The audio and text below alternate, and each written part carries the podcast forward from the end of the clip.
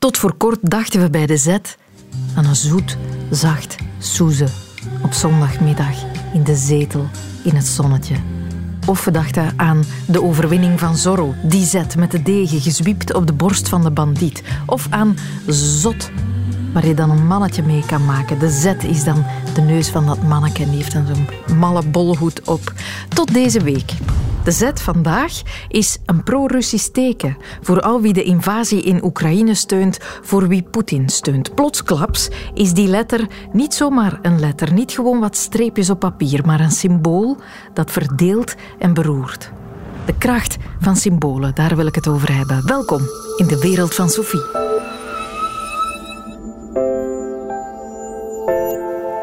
Schokkend, zo werd het genoemd door de Internationale Gymfederatie, zo werd het omschreven in de internationale pers. Dat moment waarop een Russische turner, Ivan Kuliak, zijn bronzen medaille kwam ophalen op het podium met een witte letter Z, prominent op zijn borst. Daarmee wilde hij zijn steun aan de Russische invasie betuigen aan president Poetin. Schokkend, want hij stond op dat moment op het podium naast zijn Oekraïense collega turnkampioen, die ongetwijfeld niet goed was van dat gebaar. Maar het berouwde hem geen zins. Ik zou het zo opnieuw doen. Dat zei hij nadien tegen de journalisten die hem er naar vroegen. In amper een paar dagen is de letter Z overal opgedoken. Daar op dat podium, op t-shirts, uh, billboards, Z-vormige mensenkettingen worden gevormd en vlaggen met een grote Z op worden van hier naar daar gezwierd. Allemaal aan Russische zijde uiteraard. Ik vroeg aan Ruslandkenner, VRT-journalist Jan Baljau, waar die zet plots vandaan komt. Ja, die letter Z komt van de, de, tekeningen die je ziet op de Russische militaire voertuigen.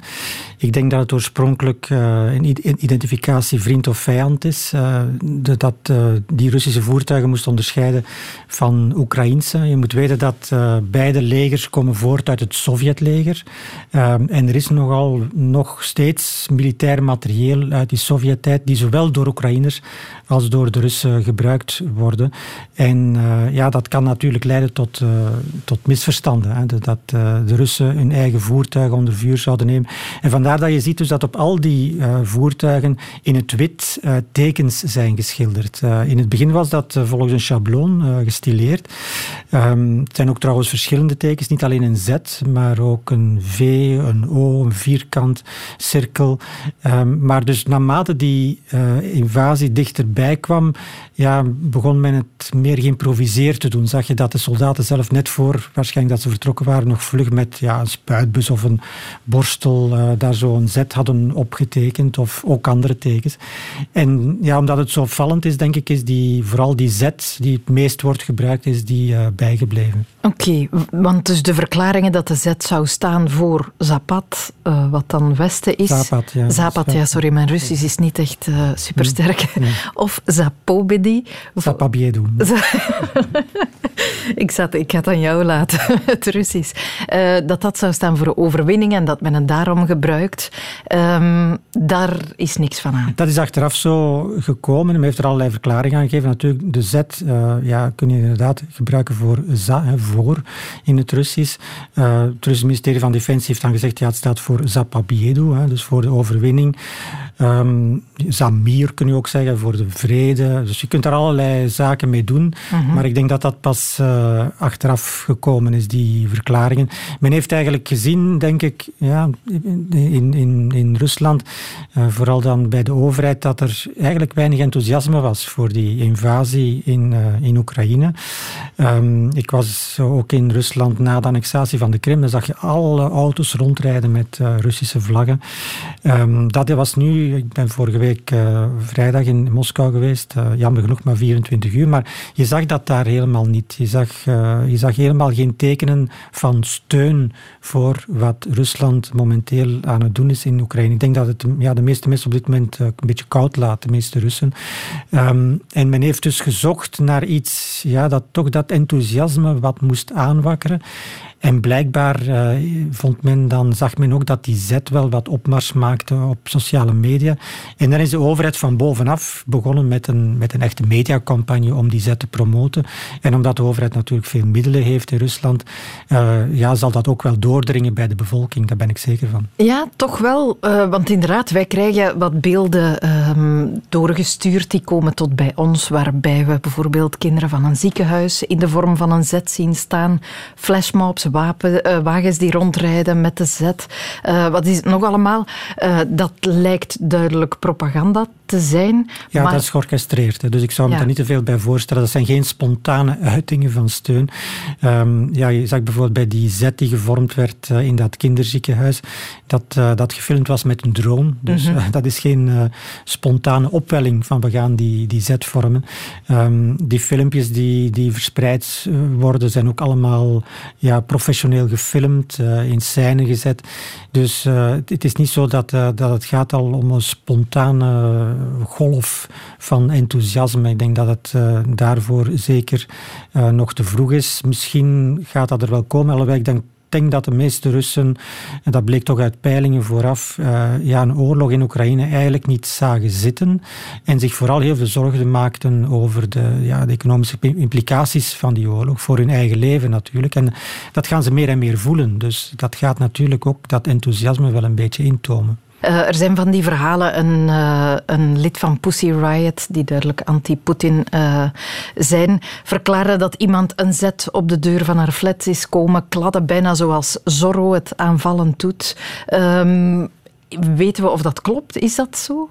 Ja, Kijk, dat is wat uh, die, dat het uh, lid van Pussy Riot zegt. Uh, er is ook blijkbaar bij een huiszoeking in Memorial, dat is de mensenrechtenorganisatie die nu um, door Rusland is bestempeld als een buitenlandse agent en, en dus geen activiteiten meer kan ontwikkelen. na die huiszoeking vond men ook overal zet op, op, ja, op bureaus ge, geschilderd en dergelijke. Dus ja, het is zo wel een beetje het, het symbool geworden om ook de tegenstanders van de oorlog in, uh, in Oekraïne een beetje ja, te bekladden, te beschimpen. Aan de andere kant gebruiken ook zij die dan tegen die oorlog zijn in, in Oekraïne het ook als een symbool, maar zij zeggen dan niet uh, voor de overwinning, maar Zachem. Waarom? Waarom gebeurt dit allemaal? Dus ook voor hen is het een beetje een symbool om dan tegen de oorlog te zijn. Zij proberen het terug te claimen, terug te claimen de betekenis ja, ervan op te eisen. Zijn er nog symbolen opgedoken in dit conflict? Uh, je hebt ook de V, het, het, het, het zegenteken, victory, um, wordt ook minder, maar wordt ook wel af en toe gebruikt. Um, dus die, dat zijn op dit moment denk ik de twee uh, meest verspreide symbolen. Maar ik denk dat de Z uh, dat die het meest verspreid is nu. Eén letter die niet eens voorkomt in het Cyrillische alfabet, hè, wat de Russen gebruiken, dat is ook al merkwaardig. Drie simpele strepen op papier, die hebben van de ene op de andere dag het potentieel mensen te verdelen doet een beetje denken aan wat er met de swastika gebeurde. De swastika is in oorsprong ja, het is een eeuwenoud heilig symbool dat in allerlei culturen al honderden jaren gebruikt wordt en alleen mooie dingen uitdraagt. Maar niemand bij ons die eraan denkt om een swastika op zijn t-shirt te dragen. Toch niet sinds de Tweede Wereldoorlog, sinds de nazi's dat als hun belangrijkste symbool zijn gaan gebruiken. Een beetje gekanteld weliswaar met de beentjes in een andere richting, maar toch te veel negatieve connotaties. Wat doe je dan als net dat symbool jouw heilige symbool is? Dan hang je het ergens waar niemand anders dan jij het kan zien. Zoals Daniel van Rungst uit Antwerpen het doet. Hij is leerling in de Vaishnava-traditie, bij ons beter bekend als de Hare Krishna-beweging. Wart Bogaert zocht hem thuis op, waar je haast struikelt over de swastikas. Uh, welkom. Dank u.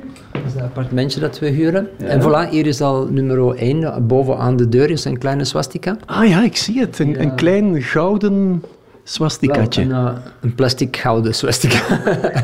en uh, we hebben hier ook een hoefijzer van een, uh, een ezeltje in de Himalaya's. Ik ben ja. daar ooit op bezoek geweest en ik heb dat daar meegevonden. Ook, eigenlijk ligt dat een beetje in dezelfde sfeer. qua ehm, goedheid, bescherming, geluksbrengers, een hoefijzer en een swastika. Dat, wordt eigenlijk, dat werd eigenlijk zelfs in, in de westerse wereld op één lijn gezet. Ah, This was only the tip of the iceberg. Ah, oké. Goed, nu zijn we binnen in je keukentje. Welkom. Dank u. Ah, voilà, hier is er nog eentje. Dat vind ik zelf een heel mooie kader. Met uh, vijf swastika's. En er zit ook light, life, good luck and love. Zie je, dat is een, echt een, een, geluksbrenger of een beschermer eigenlijk. Ja. Ik zie ook heel prominent in je interieur een, een Boeddha-beeld staan. Ja. Met zo'n grote gouden swastika op de borst. Ja, maar zie je, dat is een andere, in de andere richting. Dat is meer eigen aan het boeddhisme. Ja? Dat, dat verschilt wel een beetje. Hier zijn uh, geen swastika's, maar dat is wel ons klein tempelkamertje. Voilà. Hier doen wij uh, bepaalde, eh, mijn vrouw en ik natuurlijk, hè, is kleinschalig, bepaalde diensten en meditaties en gebeden. U ziet een aantal leraren in de, in de lijn van geestelijke erfopvolgingen.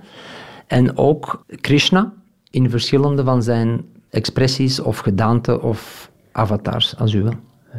Maar hier geen swastika's. Deze ah, daar zie ik er een kleintje. Ah, het is waar. Ja, voilà. Je hebt er nog eentje ontdekt. Het is al als rapen precies. ah, ik heb er nog één gevonden. Oké. Ja. Is dat een fietsreflector in de vorm van een swastika? Of een autoreflector, ja. En heb ik uit Taiwan meegebracht. Ja. En dat zie je daar heel vaak. Ook nog een mooi armbandje hier met uh, een aantal swastika's. Ook heel mooi. En dan deze decoraties een sleutelhanger en een zilveren oorbel in de vorm van een swastika. Loop je daarmee rond, Daniel? Heb ik wel eens mee rondgelopen, maar niet, op da niet dagelijks. Ja. ja. ja. En kwam daar reactie op? Nee, eigenlijk niet. Nee. Omdat het zo klein was, misschien? Misschien, ja. Oké, we zijn nu in de beslotenheid van je appartement. Ja. Zou jij deze reflector op je auto hier in Antwerpen plakken? Ik heb eigenlijk een, een swastikaatje van voor op mijn bakfiets, maar die zie je niet echt van, van buitenaf, zeg maar. Maar ik, voor mij is een swastika een ingeburgerd gegeven dat mij, uh, waar ik vanuit ga dat het beschermt en goed is en uh, zegenrijk is. Dus ik heb dat als bescherming, zeg maar, op mijn fiets van voor, maar je ziet dat niet echt van buiten. Ja. Ja, tenzij het zit onder de bak. En, en dat heeft toch te maken met het feit dat, als je, dat dat bij ons toch wel een heel andere connotatie heeft. Vanzelfsprekend, want ik heb ook ehm, een zestiental jaar in Taiwan gewoond. En dan, en dan had ik uh, een auto en een, en een, een scooter. En ik had daar grote swastika's op en er werd nooit, niemand kijkt er. Ja. Integendeel, dat de mensen vinden het aangenaam om te zien. En dat is, zoals ik zei, dat is een teken van goedheid en bescherming. En uh, eigenlijk het woord swastika is een Sanskriet woord. Mm Su, zegenrijk. Asti, well-being. Ja? En tika is een symbool eigenlijk. Dus het is een symbool van, van welzijn. Ja. Vele boeddhistische restaurants hebben echt grote swastika's op hun, op hun vitrines. Uh, als je iets koopt in de supermarkt dat vegetarisch is, dus dat goed is eigenlijk, dan staan er vaak op de, bij de labels en de houdbaarheidsdatum en de, alle informatie staan er kleine swastika's bij. Ik zie er daar nog een staan, een hele grote zelfs, een houten... Ja, mooi uitgesneden. Dat is eigenlijk uit één stuk hout gesneden. Dat heb ik onlangs gekregen van een, uh, een, bevriende swastika-freak, de Francesco. swastika-freak? Ja, swastika-freak, all the way. Die man heeft heel veel tatoeages. Hij, hij is ook een tatoeëerder. En hij heeft zeven of acht uh, swastika-tatoeages op zijn lichaam. Ik zie niet alleen aan je appartement waar het vol staat, maar ook aan de manier waarop jij daarover spreekt, dat dat iets heel belangrijks is voor jou. Hoe erg is het dan dat jij dat eigenlijk niet kan uiten? Daar leer je mee leven natuurlijk. Hè. Ik bedoel, het is niet, aan, het is niet zo voor, voor mij op de voorgrond of dat ik dat per se naar buiten wil brengen. Daar gaat het niet om in de eerste plaats. Ik heb dat leren kennen, uh, het swastika en de cultuur daar rond op een uh, mooie, mooie en zuivere manier. En dat is iets dat deel is van mijn leven, maar ik moet dat niet noodzakelijk gaan uh, propageren of zo. Maar zou je het wel meer doen als de swastika die connotatie niet had? Ik zou een t-shirt hebben met een heel groot swastika op mijn borst. Echt? Ja. In het uh, vooroorlogse Europa en Amerika, ja, en Noord-Amerika ook, was swastika helemaal ingeburgerd. Er waren hockeyteams met zo'n swastika's op hun, op hun borst. Ja. Coca-Cola maakte reclame met swastika's. En veel eerder daarvoor, duizenden jaren geleden, vind je een of andere vorm van swastika terug in bijna alle culturen over de hele planeet. De nazi's hebben hem wel omgedraaid. Hè? Maar goed, misschien zien de meeste mensen het, het verschil niet. Misbruikt of verkracht zou je kunnen zeggen, eigenlijk. Ja? Als het geen krachtig teken was, hadden ze het waarschijnlijk niet aangewend. Ja? Dus er is iets heel bijzonders aan het swastika. Uh, maar zoals alles in de wereld kan je dingen ten goede en ten kwade gebruiken. Ja? ja? Een mes bijvoorbeeld kan je gebruiken om goede dingen te doen en hetzelfde mes kan je gebruiken om slechte dingen te doen. Dus met het swastika is absoluut niks verkeerd, maar de connotatie of het gebruik die eraan gegeven wordt, ja, dat kan de boel verheerlijken of verpesten. Het is toch eigenaardig hè, als zo'n symbool duizenden jaren lang voor goede doeleinden is gebruikt, dat het door één groep in één kleine periode wordt misbruikt en dat het daarom eigenlijk helemaal om zeep is. In de westerse wereld. In de westerse wereld. Ja. Dus ook vandaag kan je nog zonder dat je bang moet zijn voor reacties in de oosterse wereld met een groot t-shirt met een swastika rondlopen. Ja, absoluut. En uh, ook interessant voor mij, een gegeven als een, als een leerling van de Vaishnava of de Hare Krishna cultuur. Op de zolen van de voeten van Sri Krishna, daar staan een bepaal, bepaalde symbolen. Een gerstkorrel, een vlag, een tempel, een zon, een vis. Ja? En daar staan ook vier swastikas op Krishna's voeten. Ja? Dus wat Aan de onderkant. Als Krishna in het zand zou lopen, of loopt, dan zie je als, een, als voetafdruk. We hebben ook lijnen in onze handen. Hè? Maar op Krishna's voeten, zo wordt beschreven in de authentieke uh, Vedische schriften, Krishna heeft onder andere vier swastikas op zijn voet. En gezien Krishna's lichaam spiritueel is, dus niet van aarde, water, vuur, lucht en ether, is dat een eeuwig gegeven. Dus een swastika is niet eens een symbool of een vorm uh, of een energie van deze wereld. Het is een altijd bestaande, een eeuwige vorm. Hare Krishna. De swastika, gekoesterd door de een, verafschuwd door de ander net, zoals die zet nu. Krachtige dingen toch, die symbolen. Ja, zei Irene Stengs, maar in essentie zijn het lege dingen. Irene Stengs is bijzonder hoogleraar antropologie van rituelen en populaire cultuur aan de Vrije Universiteit Amsterdam en onderzoeker aan het Meertens Instituut. Uh, de ontstaansgeschiedenis zou je kunnen zeggen van deze Z, al zijnde uh, een teken, een symbool voor, die uitdraagt, hè, mensen die dat gebruiken. Um, um, als ondersteuning voor de strijd van Poetin, of ondersteuning van Poetin en zijn hele beleid. Dat laat heel goed zien dat um, zo'n symbool eigenlijk, zo'n zet, in wezen in eerste instantie leeg is en dan in één klap gevuld kan raken. Dus dat betekent er zit eigenlijk geen essentie in de symbolen, maar het wordt op een gegeven moment wordt zoiets toegeëigend in een bepaalde context door bepaalde mensen en dan raakt het gevuld met die betekenis. Um, ja, en dan uh, bestaat het ergens voor.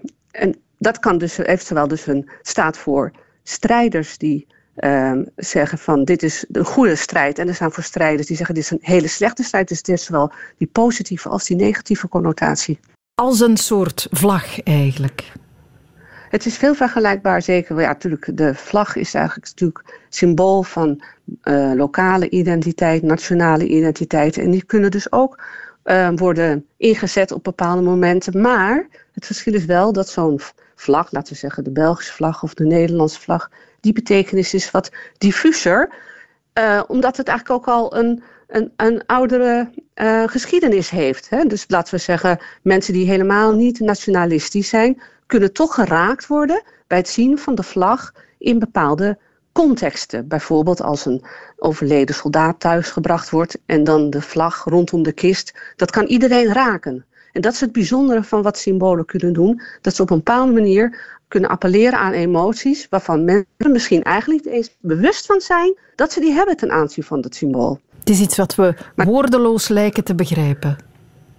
Ja, omdat eigenlijk natuurlijk de geschiedenis van zo'n vlag, ja, die is ons verteld. En, ja, en die is ook natuurlijk eigenlijk verbonden al aan bepaalde herinneringen en gebeurtenissen. Bijvoorbeeld de Tweede Wereldoorlog of misschien de uh, verjaardagsvieringen rondom belangrijke figuren. Ik noem maar wat, herdenkingen. Dus dat, die is op een bepaalde manier gevuld, maar tegelijkertijd en dat is dus ook een soort van leeg, een container is zo'n symbool. Iedereen kan zijn eigen gevoelens en ideeën daarop projecteren. Mm Ehm, en dan, dat zeggen als hier in Nederland iedereen de vlag uitsteekt, dan lijkt dat hier allemaal of iedereen voor hetzelfde staat. En dat is dus de kracht van symbolen, dat dat allemaal gelijk lijkt te worden getrokken. Maar wat iedereen daar in wezen achterbij denkt en voelt, kan best heel erg verschillen. Ja, ja, de vaagheid is de kracht eigenlijk van het symbool. Eigenlijk, precies. Dat is precies wat het is. Dus de vaagheid maakt het mogelijk dat mensen uh, zich in bepaalde contexten een symbool helemaal kunnen toe-eigenen. En zeker als het gaat om uh, uh, ja, moet ik zeggen, grote onderwerpen, verschrikkelijke onderwerpen zoals oorlogen, dan raakt zo'n symbool heel, helemaal gevuld met die emoties en, en de gebeurtenissen die plaatsvinden. En mhm. daarmee heeft deze Z, als het ware, ja, die is nu gevuld geraakt met die verbonden geraakt aan de oorlog in Oekraïne en alle verschrikkingen die daarvoor staat.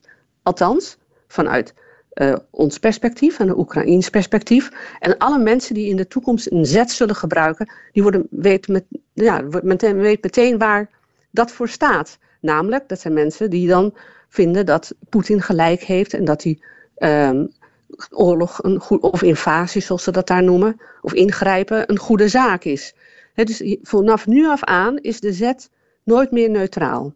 En mhm. zal hij op een bepaalde manier ook voortleven. Zoals u nu ook ziet dat um, neonazies of mensen van Pagida het hakenkruis gebruiken in sommige van hun demonstraties en optochten. Dat laat zien waar zij voor staan. Ja, de zet nu proberen anti-Russische activisten, dat hoorden we daarnet vertellen, terug te claimen door hem ook te gebruiken, maar er dan de betekenis Zatchem, uh, we weten ondertussen dat mijn Russisch niet zo sterk is, dus ik spreek het misschien niet juist uit, maar uh, Zatchem, dat dat uh, betekent waarom, waarvoor, vraagteken, doen we dit eigenlijk? Zou de zet ook terug een andere betekenis kunnen krijgen nu? Ja, dat is heel moeilijk om dat ehm, ehm, te voorspellen. Maar ik denk toch, um, ja, voor degene die absoluut achter Poetin staat, blijft die zet. Dat is hem. En die zet Gem, Gem mijn uitspraak is ook uh, heel slecht van het Russisch, is toch, denk ik, uh, dat gaat, ja, dat, ik betwijfel of dat op die manier gaat werken. Mm -hmm. Eerder zal eerder misschien een ander symbool komen. Men heeft er ooit over zitten twijfelen of de swastika verboden zou moeten worden, om die mhm. ergens mhm. openbaar te tonen. Tot grote ontsteltenis van hindoes en boeddhisten en zo, die daar mhm. geen enkel probleem in zien. Uh, zijn er eigenlijk ooit al symbolen verboden geweest? Nou, kijk, het is zo dat um, in bepaalde steden in Nederland of gemeentes is het gebruik van de swastika verboden uh, door de burgemeester. Dus dat hmm. is uh, eigenlijk gewoon aan de gang, ah, zou je kunnen zeggen. Okay. Maar dit blijft natuurlijk heel ingewikkeld. Want men speelt, ja, men speelt ermee. Men probeert dat te omzeilen door net iets te veranderen aan die swastika. En dan zegt men dat is iets anders. Maar ja, voor de, je ziet toch eigenlijk meteen wat er bedoeld wordt. Dus dat is uh, een soort van kat-en-muisspel, zou je kunnen zeggen, over wie controle heeft over zo'n beeld. Mhm. En hoe dan ook, als het verboden wordt, zou ik ook kunnen zeggen dat voegt alleen nog maar toe aan de kracht van zo'n symbool. Hè? Ja. Dus uh, het, het, wordt nog meer een, een, een geuzensymbool. Of een, waarbij je als strijder voor bijvoorbeeld uh, opkomen voor je ideaal, voor de ideologie, nog sterker uitdraagt als je dat trotseert als mens. Mhm. Dus ik denk, um, het is, eigenlijk zijn die symbolen niet onder controle te houden. Nee. En bovendien, ze, ik weet niet uh, of, of, dat in België ook zo is geweest, maar hier in Nederland bijvoorbeeld was het zo aan het begin van de uh, uh, coronapandemie. Was dat hart een heel sterk symbool. Hè? Dat was een symbool van empathie, gezamenlijkheid. Het werd, je zag het, het overal in het straatbeeld. Ja, ja, ja, ja. we schilderden het, op witte spandoeken, op, hingen het op doeken. Ja. Precies, en eigenlijk was het zo dat echt een, ja, een idee om als in een soort van verbondenheid en gezamenlijkheid deze ellende in te gaan en te doorstaan. En uh, dan zie je dus eigenlijk dat in zo'n twee jaar dat hart een hele verandering heeft ondergaan. In de zin dat ja, het bestaat nog steeds voor liefde en verbondenheid en alles, maar is opgepakt door de uh, uh, mensen die uh, tegen uh, de coronamaatregelen zijn, ook niet in vaccinatie, vaccinaties geloven en dat soort dingen, of het virus helemaal ontkennen. En in die demonstraties zie je dus het hart terugkeren als een soort van flower power symbool. Met extra knuffelen, dat, hè, liefde voor elkaar, geen afstand houden. Dus dan zie je dat ja, zo'nzelfde symbool daar plotseling is opgetild en op een hele andere manier wordt ingezet. Dus ja, nou ja, wat dat betreft zou je kunnen zeggen, spreek ik mijzelf misschien wel tegen en kan die zet nog een andere kant op gaan. Maar het lijkt me wel heel erg moeilijk. Uh, ja. Ja, Het valt moeilijk te voorspellen. Hè? Het hangt ervan af wat mensen ermee gaan doen, hoe ze ermee om zullen gaan. Precies. Ja, mensen zijn wel heel creatief en smart. En um, uh, ja, zodra zo'n een, zich een situatie in voordoet waarbij bijvoorbeeld de betekenis van die zet, zoals nu eens kan worden omgekeerd, ja, dan kan, het, dan kan dat gebeuren. Dat, dus wat dat betreft uh, ook uh, spannend om te zien hoe zich dat ontwikkelt. En ook hoe belangrijk het is dat symbolen, wat symbolen doen. Hè? Want het, in die diversiteit, waarbij mensen zeggen van de een zegt ik ben tegen de oorlog, maar voor Poetin, maakt niet uit. Want door die zet te gebruiken lijkt het, het is een soort van eenheidsboodschap die wordt uitgestraald. Ja, dat maakt het gevaarlijk, hè? het feit dat, het zoveel ladingen dekt. Je weet bijna niet wat je steunt als je een symboolje ergens op je t-shirt gaat plakken. Precies, ja. ja. Dus wat dat betreft, uh, ja, en dus het roept altijd wat op. Dat is het ook, uh, dat is, hè, het is echt, uh, het gaat hierbij over eh, het, hoe moet ik het zeggen, het oproepen en kanaliseren, maar misschien juist ook het niet onder controle kunnen houden van emoties. Ja. Fascinerend, hè? Een symbool is als een soort lege container ergens op straat waar we met onze kruiwagens al onze emoties in komen kappen. Dan moeten we ze niet verwoorden, al die complexe gevoelens. Kunnen we er gewoon naar wijzen. Dat daar, dat tekentje, dat ben ik. Helemaal, daar geloof ik in. Daar geloven wij hier, samen in. Met dat gevaar dan dat iedereen daarin kan komen kappen wat hij wil. Je hebt je symbool niet in de hand. Plots kan je vijand daar ook wat in beginnen kappen. Of plots hangt een halfblote popster als Madonna aan jouw symbool.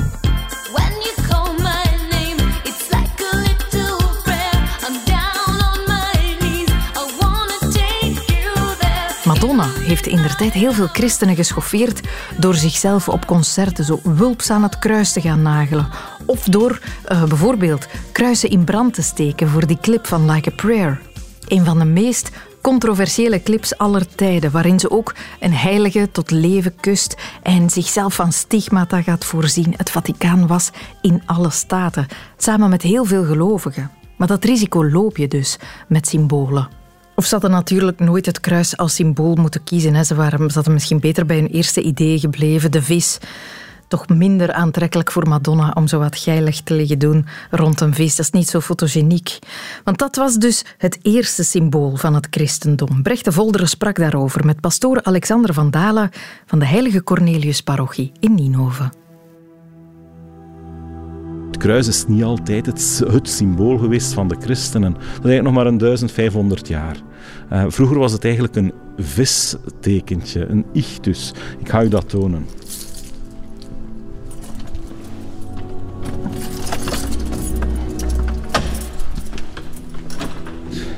dat is, we noemen het een pateen.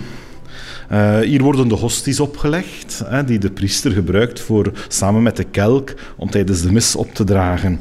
Deze pateen is in de vorm van een vis. Ik weet niet of je daar een vis in herkent. Hè, waar, waarom een vis?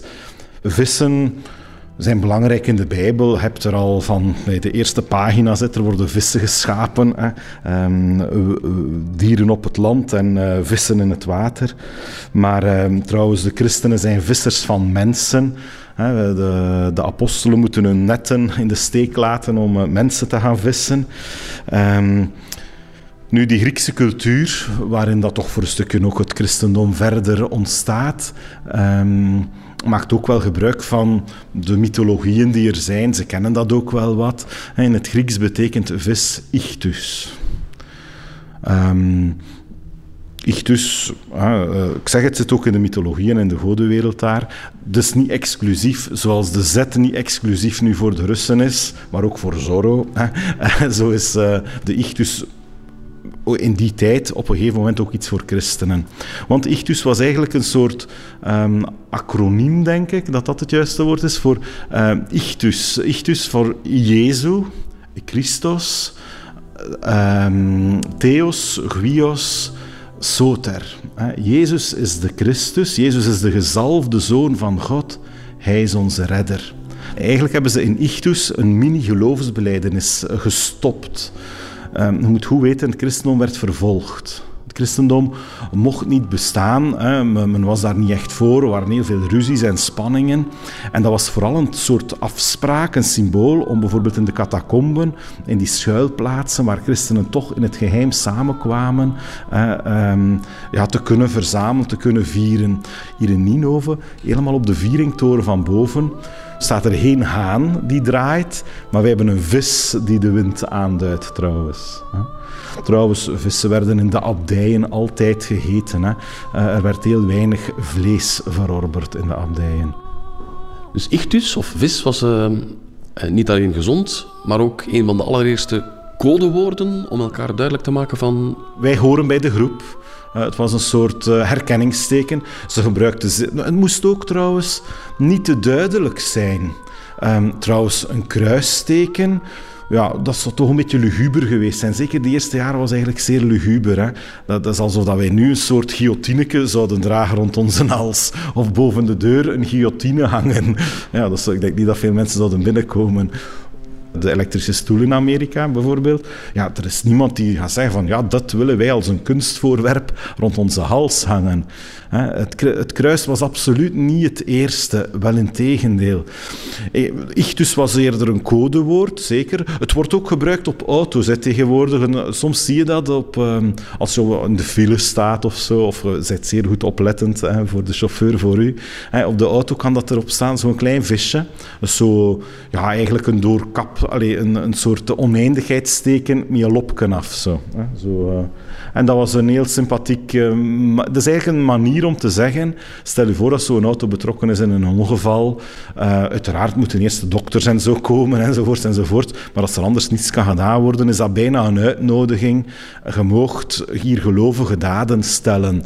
Uh, bijvoorbeeld een, uh, een, gebed of zo. het is toegelaten, want ik ben gelovig. Het is een teken van... Hallo, ik, ik ben gelovig. Voilà. Zo'n ichtus-tekentje. Um,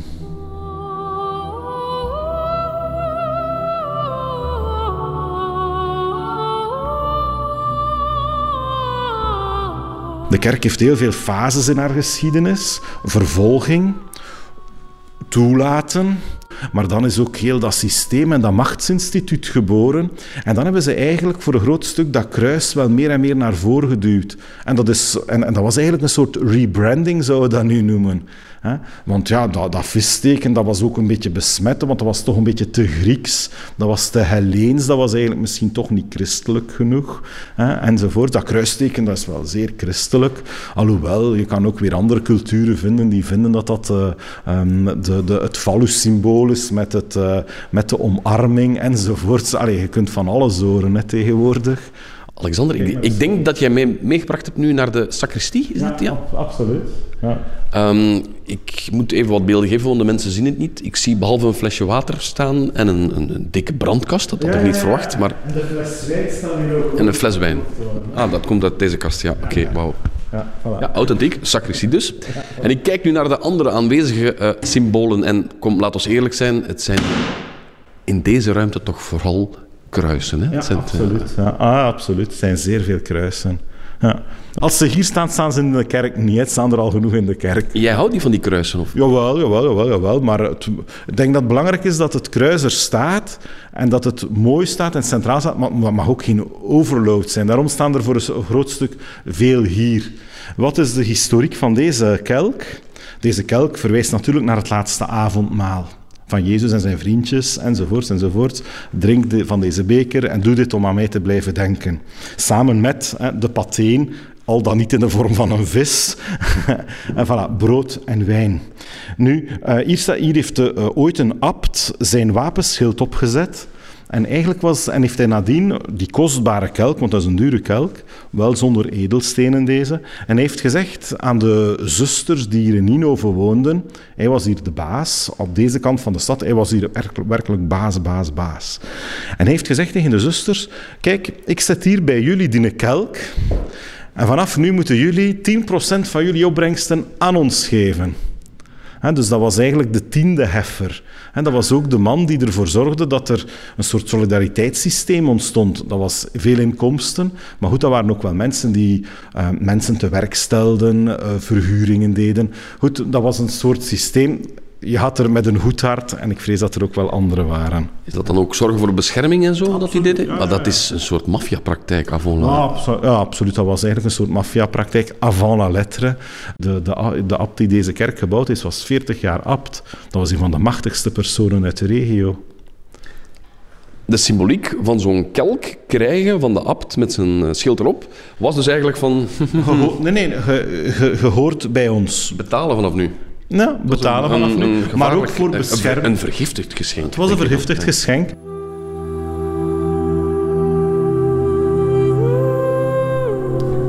Ik vind het kruis geen lelijk symbool, alleen eentje zoals dit, met, met ja. Christus uh, hangend, uh, nooit echt vrolijk kijkend. Uh. Ja, je hebt er wel, hè. Je hebt kruisbeelden waar dat Jezus glimlacht. Daarvoor moet je toerist zijn natuurlijk. Hè. Op Ile uh, les in Zuid-Frankrijk, zo'n keer op. Al veel rijden hoor. Om, hey, maar goed, om een glimlach te krijgen. We mogen weer, hè. we mogen weer reizen. Hè. daar heb je Le Christ souriant. Je bent geen fan van dit symbool, denk ik. Ik ben fan van het kruis, maar ik ben geen fan van deze uitvoering. Huh? Alexander, nog één vraag. Jij had het over rebranding. Als we komen van de vis, we zijn geëvolueerd naar het kruis. Ik denk dat het kruis nog altijd zeer populair is. Wat zou zo een nieuwer, frisser uh, volgende stap kunnen zijn? Persoonlijk zou ik graag het kruis houden hoor. Uh, maar ik ben ervan overtuigd dat uh, hier in Ninove bijvoorbeeld ze nogal fan zijn van het hartje. Uh, omdat het symbool staat voor liefde. twee luisterende oortjes ook. in Ninove vinden ze dat altijd top. Maar dat heeft veel te maken met de zusters die hier wonen. En dat waren zusters van de heilige harten. En dat verwijst dan wel naar het bloedende hart van Christus. Aan het kruis uiteraard. Maar goed, ik denk dat de rebranding vooral bij een kruis zal blijven. Deze radiomaker hoort twee oren wel graag. Ah, absoluut, want alles begint bij luisteren. Ah, je luistert ook? ja, absoluut. ja.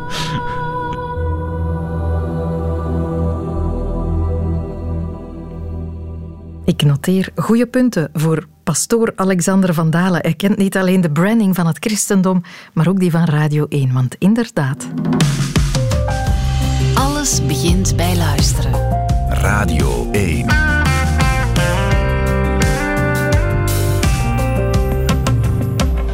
Nog één symbool wil ik bespreken. Naast het hartje het allervriendelijkste symbool, het vredesteken. Een symbool dat in tegenstelling tot alle voorgaande nog maar weinig van betekenis veranderd is. Je kent hem, hè? de cirkel met daarin een neerwaarts gerichte driepikkel, herkenbaar wereldwijd, staat op duizenden pennenzakken en t-shirts en juwelen. En misschien is het nog maar zo weinig van betekenis veranderd, omdat het nog niet zo heel erg oud is. Wart Bogaert Weet wie het uitvond? Ja, dat is zoiets wat je je afvraagt en je kan je dat moeilijk voorstellen bij dat soort universele, wereldbekende symbolen. Je kan je bijna niet voorstellen dat er een tijd geweest is dat dat teken niet bestond en dat er op een bepaald moment dus één iemand, één persoon achter een tafel is gaan zitten en op dat idee is gekomen. Maar dat is met het vredessymbool, die driepikkel waar je het daarnet over had, wel degelijk het geval. Er is één geestelijke vader van dat uh, symbool. En de man heet Gerald Holton. En je kent hem zelfs? Uh, niet persoonlijk. Nee, okay. De man is overleden in 1985 al, op zijn 71ste. Maar ik, ik, ik ben lang niet de enige die hem niet persoonlijk kende. Ik denk dat bijna niemand hem, hem kent. Hij is vergeten. Hij is helemaal in de plooien van de geschiedenis uh, terechtgekomen. Hij was een kunstenaar. Hij is uh, afgestudeerd begin de jaren 30 aan de Royal College of Art in Londen. Uh, maar het is nooit veel, er is nooit veel van gekomen, van die kunstenaarscarrière. We weten dat hij in de jaren 50 als arbeider in een textielfabriek werkte, maar we weten ook dat hij in zijn vrije tijd lid was van de DAC, de Direct Action Committee Against Nuclear War. En dat was een van veel kleine actiegroepjes uh, in het Groot-Brittannië van die tijd, jaren 50, die protesteerden tegen de deelname van Groot-Brittannië aan de nucleaire wapenwetloop van die tijd. We zitten in volle koude oorlog. Uh, die mensen van uh, DAC die hebben een tijdschriftje Peace News dat ze verspreiden onder hun leden. En die houden eh, regelmatig redactievergaderingen boven een kleine winkel van kantoorbenodigdheden in Londen, de Fish and Cook. Die winkel bestaat, tot mijn verbazing een beetje, nog altijd trouwens. Dus dat lokaaltje waar de DAC met Gerald Holton dus vergaderden, dat bestaat nog altijd. En in 1958, begin 1958, hebben die mensen van DAC, die hebben grote ambitieuze plannen. Die willen op Goede Vrijdag, dat jaar op 4 april, die willen op die dag, op Goede Vrijdag, een grote mars organiseren vanuit Londen, Trafalgar Square, daar willen ze vertrekken, naar Aldermaston. En Aldermaston, dat is een nucleaire site in Berkshire. 84 kilometer ver van Londen is dat. En ze willen daar met duizenden mensen, liefst met zoveel mogelijk mensen, een voettocht naar organiseren. Een vierdaagse voettocht moet dat worden. Dat is natuurlijk een enorme organisatie. En een van de dingen die begin 1958 op de agenda staan bij een van die vergaderingen is: kijk, wij hebben een logo nodig. Een symbool. Ja een vlag waarachter we ons kunnen scharen, kunnen verenigen. En daarvoor kijken ze natuurlijk in de richting van de kunstenaar van het gezelschap, onze vriend Gerald Holton. Doe eens iets, Gerald. Doe eens iets, ja. En op 21 februari komt Gerard, uh, Gerald Holton met zo'n grote map, zo'n portfolio-map aan op de redactievergadering boven de Fish Cook. En hij zegt, kijk mensen, ik heb iets en het is fantastisch. En de andere leden van de groep die denken, ja, hij zal iets gemaakt hebben met een, met een duif of zo, of met een olijftak, of een kus, of een V-teken. Maar nee, Gerald slaat zijn portfoliomap open. En de andere leden van de groep die zien als eersten in de wereldgeschiedenis het teken dat wij ondertussen, bijna 70 jaar later, allemaal kennen. Die driepikkel, dat vredesteken. En ze zijn meteen heel enthousiast. En ze zijn zeker enthousiast wanneer de uitleg erbij komt. De inspiratie voor dat teken is namelijk gekomen uit het semafooralfabet.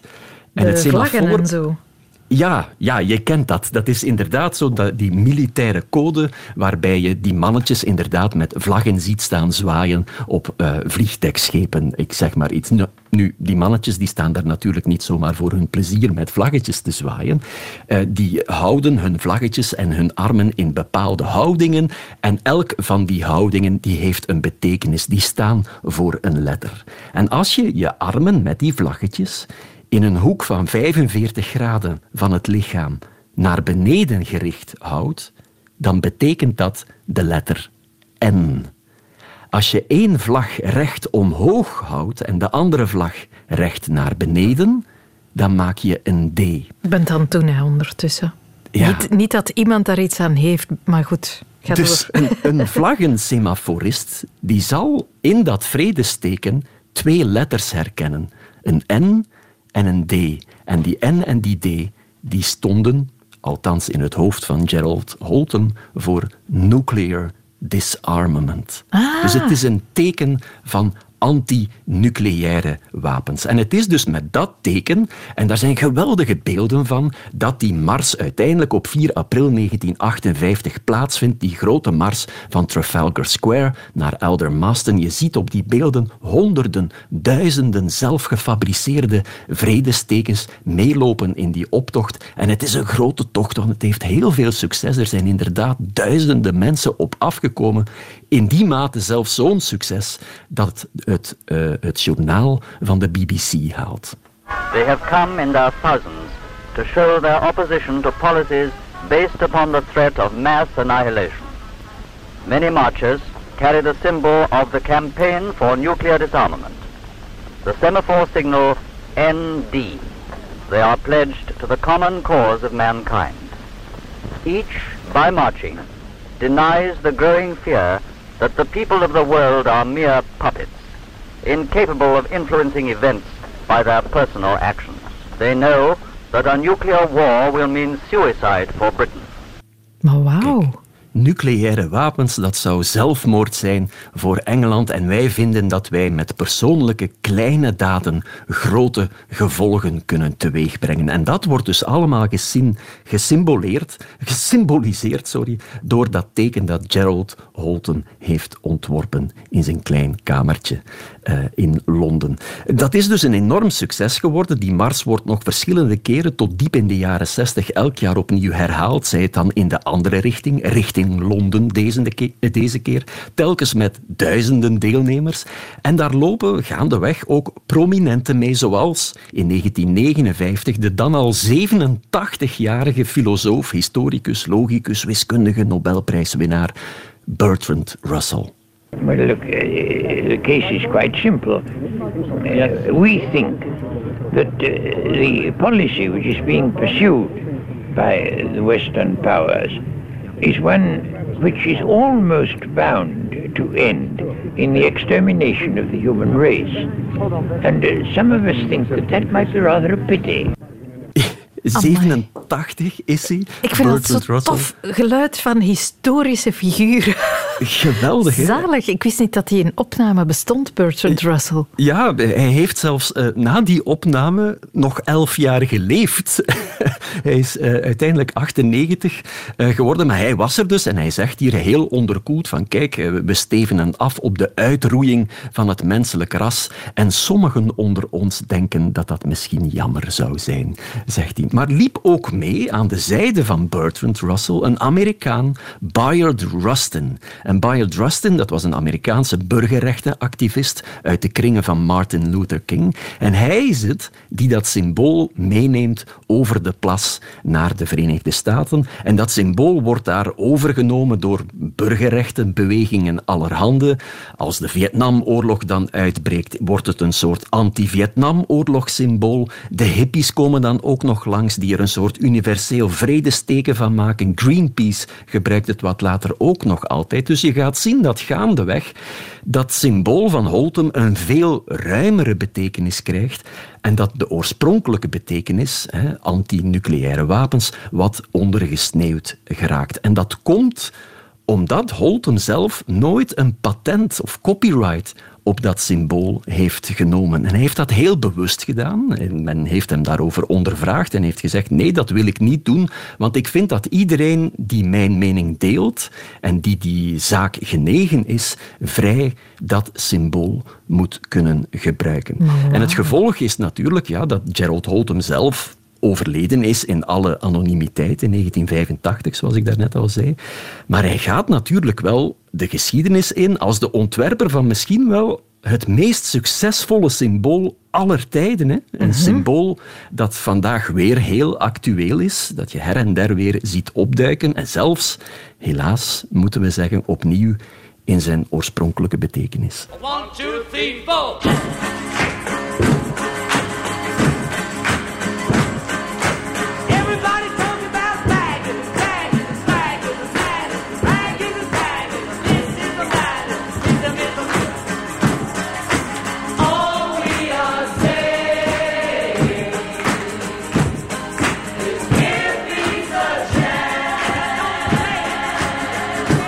Give Peace a Chance van misschien wel de bekendste vredestekendrager John Lennon. Ik ga met die melige jaren 70 boodschap afsluiten, omdat het inderdaad en helaas toch opnieuw relevant is.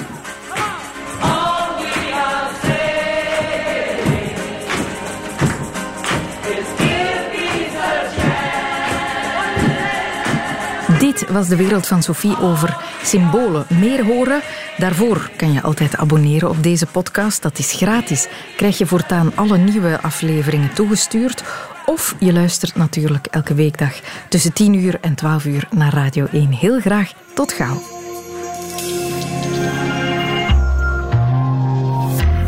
Dit was een podcast van Radio 1. Ontdek nog meer podcasts van Radio 1 in onze app en op radio1.be. Radio 1. Altijd benieuwd.